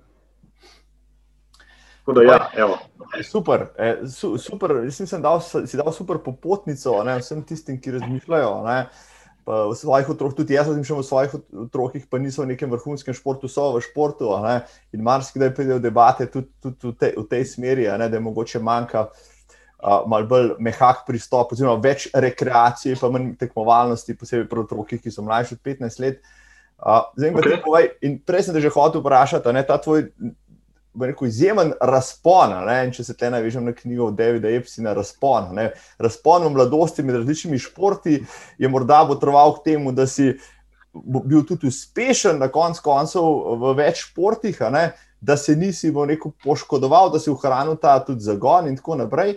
Da mi povej, kje se pa ti danes še rekel, navdihuješ? Tudi izobražuješ, uh, kdo so tvoji trenerji, kdo so tvoji vzorniki, če hočeš, ne, uh, v odrasli dobi. Uh, glej, navdihujem se vedno bolj pogosto iz uh, razumevanja, da nič ni samoumevno. Mhm. Ko, to je ena, ena izmed mojih navdihov, ki se ga hočem držati, oziroma mu sledim, da pač življenje, je, življenje ki je takšno, en dan drugačen, drug dan iz tega se navdihujem, kar se tiče izobraževanja. Um, re, redno, zopet podarim, ne vsak dan, ker nimamo vsak dan časa, ampak dosti berem določene knjige. Problem je to, da imam včasih šest knjig, čeprav imam Kindle, iz Kindle berem, ampak šest knjig imam, pa en dan to, en dan tisto. Uh, Pač moj, moj problem bika je to, da, da, da, sem, da imam ful preveč stvari odprtih in sem posledično, posledično tudi zaradi tega včasih lahko nezadovoljen sam s sabo, ker ne dokončam vsega, kar bi mogel. To je, to, to je moj problem in tega se zelo dobro zavedam. Ampak ja, izobražujem se, ker pač vem, da je, da, um, da je pomemben del mojega dela. Čeprav pazem, kaj berem, pa koliko uporabljam tega, ker še veš, če imaš ful velik znanja, je spet problem, ker pa vse veš nikoli ne veš vsega, in bolj, ker se zavedaš, da nič ne veš, bolj lahko potem nadgrajuješ od prave smeri. Vzornikov lej, na določenih. Na tem področju trenerskega dela, ki, ki ga pač upravljam, ne bom rekel, da so liko vzorniki, ki pa bi samega sebe negiral. Zakaj bi rekel, da je nekdo moj vzornik? Je pa nekdo moj učitelj, tako da sem jaz njegov učenec in obratno. Da, in, veš, poberem kaj, razmišljam kaj, predvsem pa spoštujem delo vsakega posameznika, ki tudi dela napake, pa ki dela neumnosti na tem področju, ki teh neumnosti je včasih preveč, ker tudi vem, da tudi jaz sem bil enkrat na začetku svoje poti, pa sem bil tak takrat, pa zdaj sem drugačen in uh, zakaj, mislim, vloga dobrega koča je, da da iz sebe ven, zato da drugi koči, mlajši, a so to zdaj otroci, kot bo starejši, postane tudi boljši. Top. Super, super so pripeljali ta pogovor do konca, izjemen sogovornik si Gašpr, zakladnica znanja, idej in, in bom rekel, uh, miselnih uh, uh, izzivov, ne, ki jih bomo imeli vsi po tem poslušanju. Uh, če na koncu naredijo čist povzetek, uh, strnemo vse skupaj, kaj bi še recimo položil na srce najnim poslušalcem in gledalcem, poleg tega, uh, jejte manj, gibajte se več, uh, kaj je še pomembno v življenju. Glej, um, dragi gledalci, pa, pa Marko, hvala še enkrat, da si me povabil, res sem užival na enem pogovoru. Izpostavil bi to, ne izgubi svojega lastnega pogleda na sebe, pa ne, ne izgubi samega sebe. Ker enkrat samega sebe izgubiš, potem izgubiš tudi kompas, pa začneš delati stvari ali pa aktivnosti, ki so lahko nezdrave, škodujejo in če jih delaš prepogosto, pride do problemov. Vse izhaja same, samega sebe. Tudi tisti, ki me boste recimo gledali, pa boste rekli, uglaš, prej pa oh in sploh pa super, pa ne vem kaj probite me gledati kot navadnega, navadno človeško bitje, ki pač ima svoje probleme, ki ima svoje težave, ki, ki se zaveda, vem, ki je tudi dal nekaj skozi svojo lastno kožo čez, ki ne, je, ne jemlje samo umevno stvari. In bo se tudi veliko lažje potem samega sebe najdel v, v, v, v tej zgodbi, mogoče bom tako rekel. Ne. Ker bi bilo zelo grdo od mene, da bi zdaj rekel, da bi bil vsaj dan smejan, pa tudi takrat, ko bi nekaj skrival. Ne, pač sprejmem to. Vsi imamo svoje dneve, vsi se slabo počutimo vsi imamo svoje, včasih uh, slabo voljo, pa negativnost, pa kaj so še rekli prej, um, pomagaj mi. No, Lenovo, ker sem pač nekaj ne dane. Jasno je, ampak ne, ne kazati s prstom na se, ne se jeziti, ne se v bistvu škodovati samemu sebi, pride, sprejmi, pa to tudi gre. Tako da to je nekako moje glavno sporočilo. Pride, sprejmi in to tudi gre na katerem koli področju. Kaj enkrat to malo razumem, potem tudi tek postane večji žit. Drago poslušalstvo, tole je bil Gašpr, predanič, odličen pogovor v tole, Gašpr, res ti hvala za tvoj doprinos. Za tvoj Jaz sem tudi užival, upam, da to uh, spet uh, uh, v kratkem ponoviva. No? Jaz imam tukaj še cel kup enih istočnic. Z veseljem. Z veseljem te še povabim, uh, uh, drago občestvo, vi lahko tole všečkate, ne lahko morate všečkate, delite se, naročite, lahko donirate. Hvala že na, naprej vsem. Gašpor, jaz ti pa želim še uspešen dan, uh, navdihuj uh, sebe in nas še naprej in ostani tako zagret za gibanje in življenje. Marko, um, hvala lepa. Res, kot sem rekel, užival sem, da nisem jaz postavil vprašanje, ampak da je nekdo drug vodil mene. Uh, na začetku sem rekla, nisem imel vprašanja in, sva, in je tudi veliko bož, tako da bom vsekakor delal to, kar delam na tej ravni, kar delam. Pa, hvala ti še enkrat, pa hvala poslušalcem, poslušalkam, ki boste še pogledali, stisnite like, verjamem, da je Marko postavil dobro vprašanje, da sem jaz lahko odgovoril dobra, od, dobre odgovore. Hvala in lepo se me. Čau, čau. Hvala, čau. Uh, sledite tudi Gašporju, da bom vse linke spodaj, uh, poslušajte tudi njegove podcaste, veliko novega se v tem naučili. Tako da uh, hvala, srečno živijo. Lepo se me, čau, čau. čau.